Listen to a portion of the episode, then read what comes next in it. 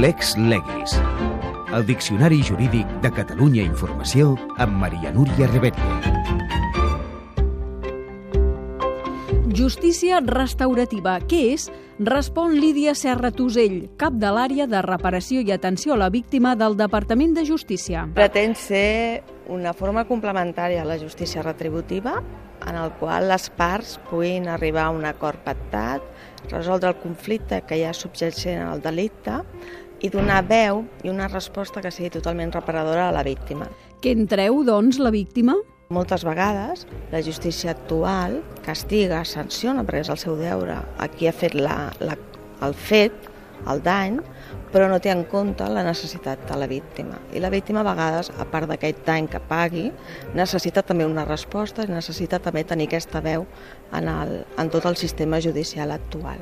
A quins procediments i delictes s'aplica? Sí que es dona molt, per exemple, en fase d'instrucció i en delictes lleus però nosaltres volem donar la veu a la víctima en qualsevol moment processal, sempre que ella vulgui i les parts vulguin.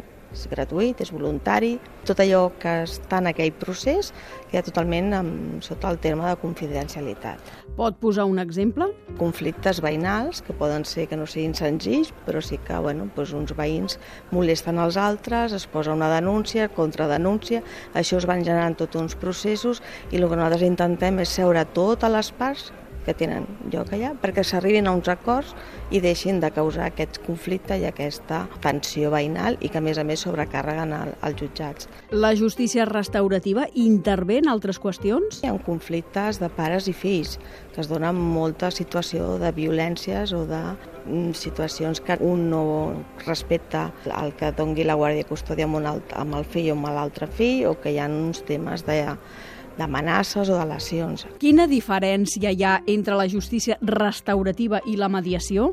És un procés dins de la justícia restaurativa, però hi ha altres processos a la justícia restaurativa. Hi ha les entrevistes reparadores, que és donar veu a les víctimes. Moltes vegades les víctimes no volen seure amb un cara a cara, amb una mediació amb les persones, però sí que agraeixen aquest espai que els hi donem per explicar i que puguin donar i que elles puguin sortir-se del procés. Tota la intervenció que es fan des de les oficines d'atenció a la víctima, d'empoderar les víctimes, són entrevistes reparadores. Hi ha algun altre tipus d'intervenció? Hi ha una altra tècnica, són els cercles, que és quan hi ha més d'una persona implicada en diferents processos, que potser, per exemple, acabem de fer ara dos cercles que han anat molt bé, de dues famílies. En principi, les dues parts que estaven implicades en el procediment era un representant d'una família i un representant d'una altra família, però ja el conflicte era tot el clan familiar. Què és el que reconforta més a la víctima? Els jutges ens diuen que el que volen és diners. En el nostre cas, la reparació econòmica és, és la menor. El que volen són disculpes i explicar per què a mi. I que sàpigues que m'has causat un dany. I volen sentir aquesta disculpa per part de l'altre. El lema és només víctimes, evidentment, però també que se sentin reparades.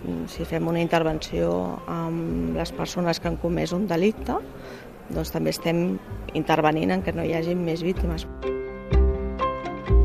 En resum, la justícia restaurativa és una forma complementària de la justícia retributiva per resoldre d'una manera pactada un conflicte. La filosofia de fons és donar veu a la víctima i una resposta reparadora en aquesta.